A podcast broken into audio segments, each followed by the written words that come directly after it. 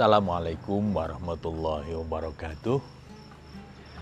Ada pejabat yang betul-betul bukan hanya berpenampilan pejabat, tetapi memperlakukan dirinya juga sebagai pejabat yang harus dilayani.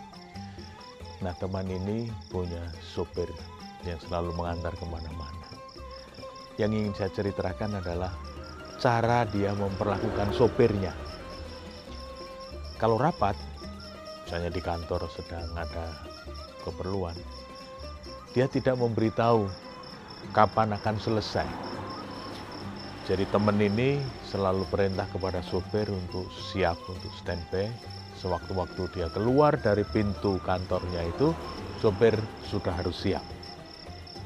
Tentu ini sebuah pekerjaan yang sederhana tapi sulit sekali karena supir ini tidak tahu kapan bos ini akan keluar dari pintu kantornya itu. Mungkin masalahnya menjadi sederhana kalau bos ini sejak awal sudah memberitahu saya akan rapat sampai jam sekian dan nanti akan saya telepon kalau sudah selesai itu masalahnya menjadi sederhana. Tapi karena mentalitas ingin dilayani, jadi dia memperlakukan sopirnya ini harus standby. Yang kedua, kemudian ambil tasnya, lalu bukakan pintu. Wah, setelah bos masuk, pintu ditutup, tas diletakkan, lalu baru dia membawa mobilnya ke arah yang diinginkan. Luar biasa memang sahabat kita ini. Saya membayangkan kalau nanti sudah pensiun, dan kemudian tidak ada yang melayani seperti sopirnya ini. Bisa dibayangkan, alangkah terkejutnya ketika tidak ada lagi yang melayani seperti ketika dia masih menjadi pejabat. Sebetulnya kan kita semua ini adalah pemimpin. Kulukum ra'in, wa kulukum mas'ulun an ra'iyati. Begitu sabda Nabi yang diriwayatkan oleh Imam Bukhari. Setiap kita adalah pemimpin dan akan dimintai pertanggungjawabannya atas ya kepemimpinan kita itu. Nah, maka kalau kita ingin menjadi pemimpin yang baik, kita harus dapat melakukan fungsi kepemimpinannya itu juga secara baik. Apa fungsi pemimpin itu? Setidaknya ada tiga. Yang pertama adalah dia bisa menentukan arah, establishing direction jadi memang pemimpin yang baik itu bisa mengarahkan organisasi, bisa mengarahkan anak buah ke arah yang sudah dicita-citakan, ke arah yang sudah disepakati.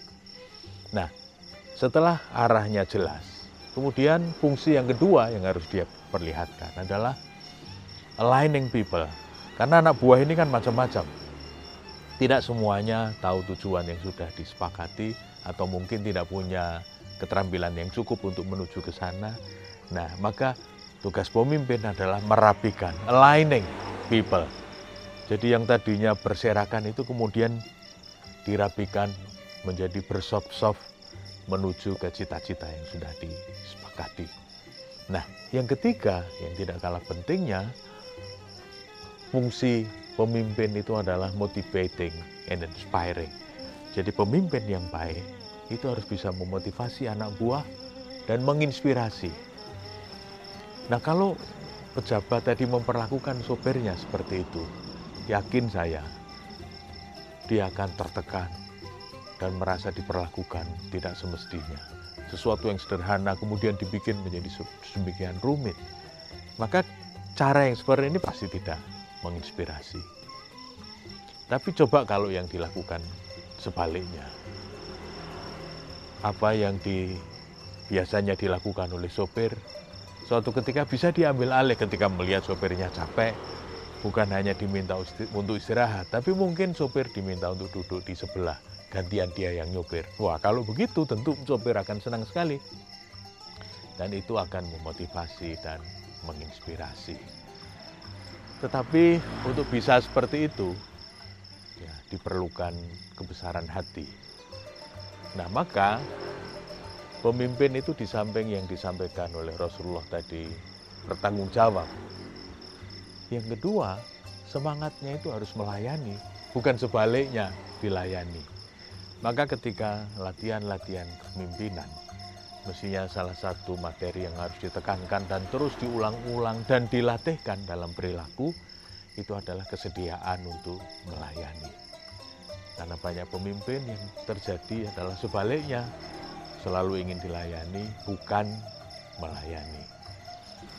Allah mengingatkan di dalam surat As-Su'ara ayat 215.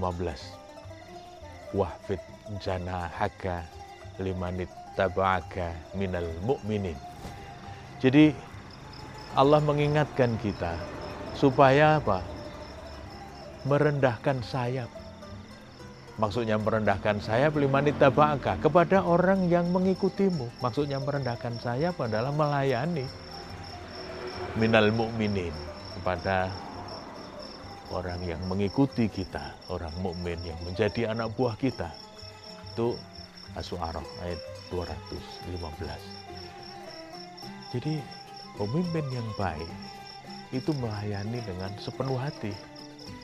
Maka sikap tawadu, rendah hati itu menjadi nilai lebih seorang pemimpin yang memotivasi dan menginspirasi. Nah, bagaimana caranya melayani dalam servant leadership dicontohkan dalam tiga hal. Satu yang disebut dengan servant heart, yaitu hati yang melayani. Yang kedua adalah servant head, pikiran yang melayani. Nah, yang ketiga adalah servant hand, tangan yang melayani. Jadi ketika kita melayani itu harus mulai dari hati, pikiran, dan bahkan kemudian dalam bentuk perilaku. Sebab ada orang yang mengatakan pemimpin harus melayani, tapi pada prakteknya dia tidak. Dalam pikirannya itu tidak melayani orang lain, tapi yang dipikirkan adalah keuntungannya sendiri. Dalam hatinya itu tidak ikhlas untuk melayani, mungkin hanya pencitraan. Nah, maka tadi yang servant hand juga menjadi tidak bagus karena hatinya, kepalanya itu memang tidak disiapkan untuk melayani. Pemirsa, cara terbaik menjadi pemimpin sejati adalah melayani dengan sepenuh hati, bukan dilayani tiada henti. Assalamualaikum warahmatullahi wabarakatuh.